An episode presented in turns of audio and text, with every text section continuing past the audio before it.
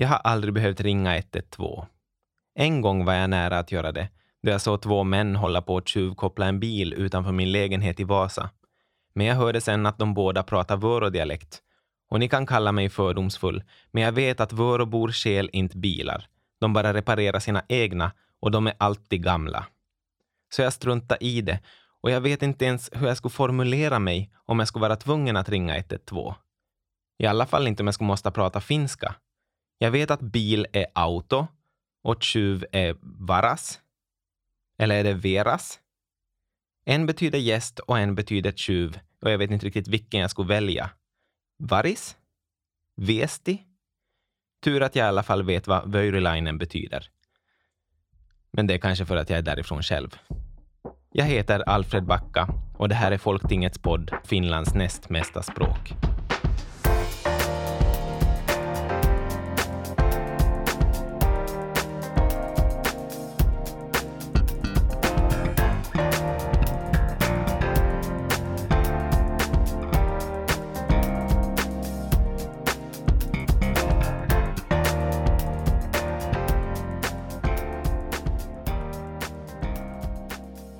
Att få betjäning på svenska är alltid viktigt. I olika grad förstås.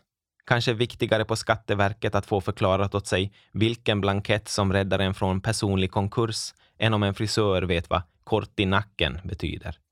Men ibland kan det andra inhemska vara en fråga om liv och död. Tänk om jag faktiskt skulle bli överfallen eller få bilen stulen och jag skulle se en polis som jag försöker få hjälp av kan jag då lita på att få hjälp? Vi frågar Johanna Lindholm, jurist på Folktinget. Du borde kunna lita på att få hjälp på svenska, ja. Men tyvärr så finns det brister i praktiken. Du har rätt att prata svenska med polisen, men vi vet att det inte alltid funkar. Det är ingen hemlighet att det inte alltid funkar. Men i princip så borde det alltså göra det och det finns många som kämpar för att det ska fungera bättre. För att utbilda sig till polis så måste man åka till Tammerfors. Där finns Finlands enda polisyrkeshögskola. Där finns förstås också den enda svenskspråkiga linjen som överkommissarie Kjell Nylund ansvarar för. Varför är det viktigt med utbildning på svenska? Uh, när det gäller språket inom polisförvaltningen så, så är det väldigt viktigt att den genomsyrar egentligen hela förvaltningen allt från eh, den person som är i kundkontakt med polisen eh, till mellanchefer och chefer och i, även i, i högre ställning. Eh, det medför det att, att eh, det där, den här rättssäkerhetsaspekten inte blir lidande.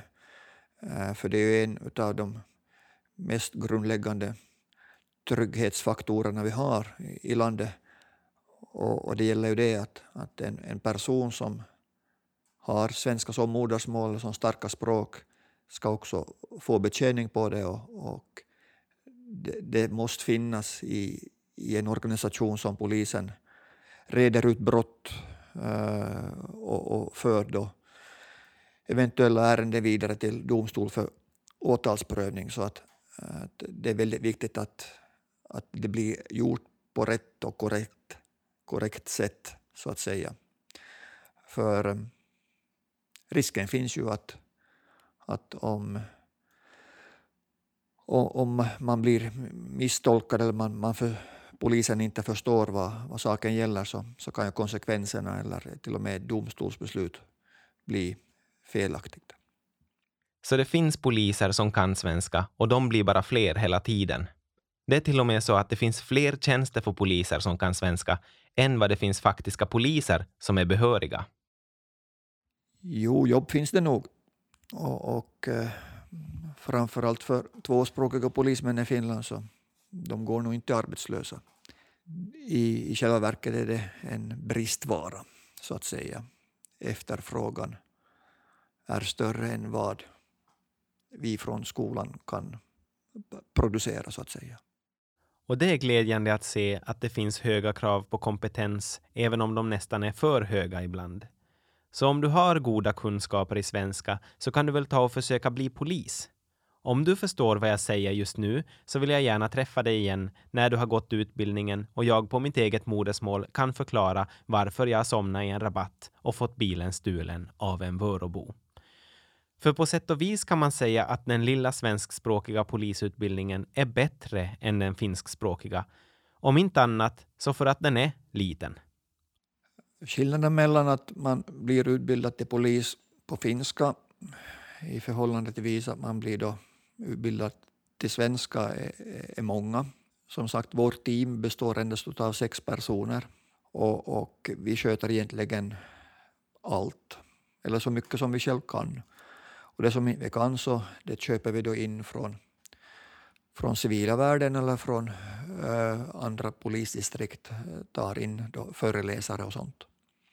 Vi samarbetar naturligtvis också med andra universitet och, och, och, och eh, högskolor.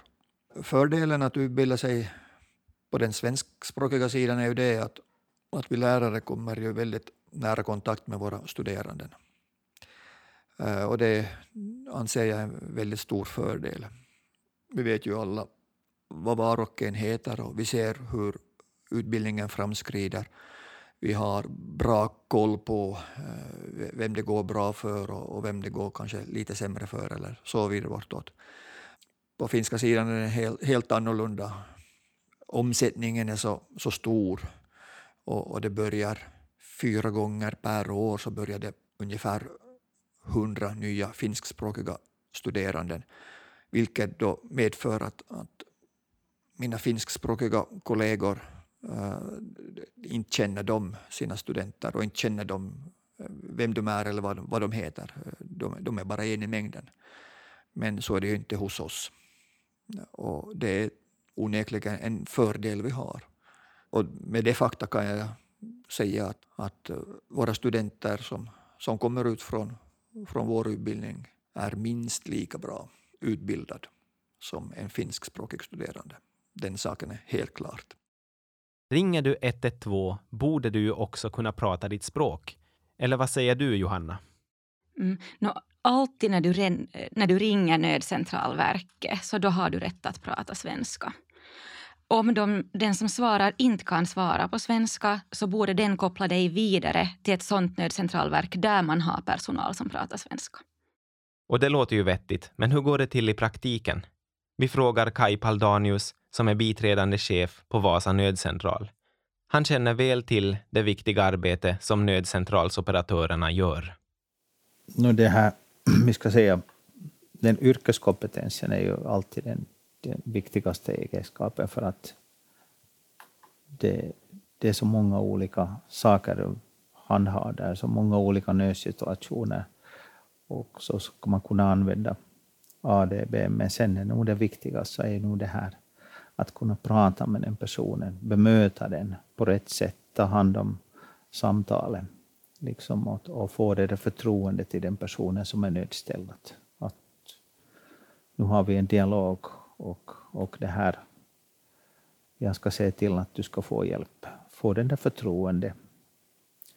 Och det är ganska knepigt emellanåt, för människorna är chockade, vissa kan vara arga, man har olika liksom sätt. Och, och sen till och med berusade, så att det är inte alltid så enkelt. Ja, de bör kunna lugna och trygga personer som ringer och också lyckas uppfatta adresser och platser korrekt för att kunna vidarebefordra den informationen. Då är det väl också viktigt att de kan svenska?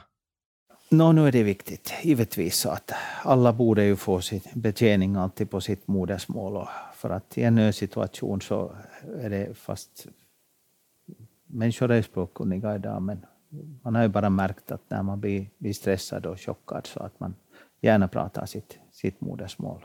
Och sen har vi ju också möjlighet att använda oss av, av tolkcentralstjänster. Och uh, ganska ofta, så vi ska säga, så, så fastnar vi på ryska. Så det, det är liksom ett, ett sånt språk som av någon anledning så när vi... Oftast är det någon, någon yrkesbilist eller någon sån som har kommit i kläm. Så då, då, då det här. Men det är ganska knepigt. Om inte vi alls kan kommunicera så liksom på, inte varken på finska, svenska, engelska, som nu de flesta kan här, Men sen har vi ju förstås nödcentraler i, i Kuopio till exempel. Där har vi någon ryskkunnande så där eventuellt skulle man kunna få också hjälp. Men då är de så få att, att finns just den personen på jobb så att vi använder oss av yrkestjänster. Och, och det tar ju sin tid innan, innan den tolken ringer upp. Så att, att, att få ha personen hållas kvar där. Så det kräver, men vi har nog halkat oss fram på det där sättet.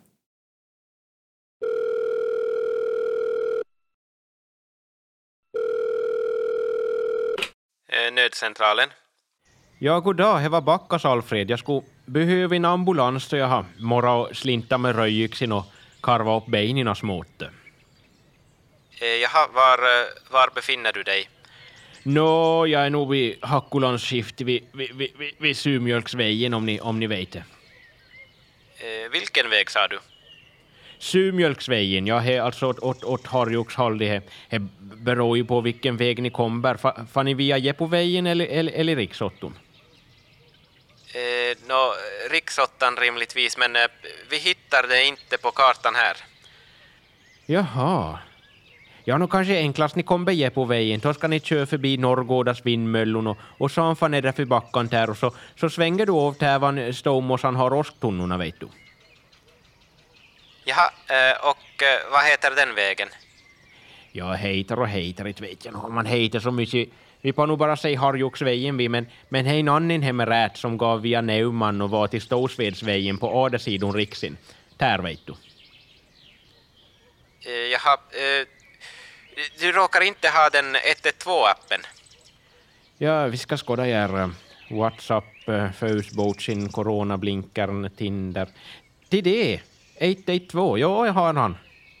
Vad bra, kan, kan du ringa via den så hittar vi dig.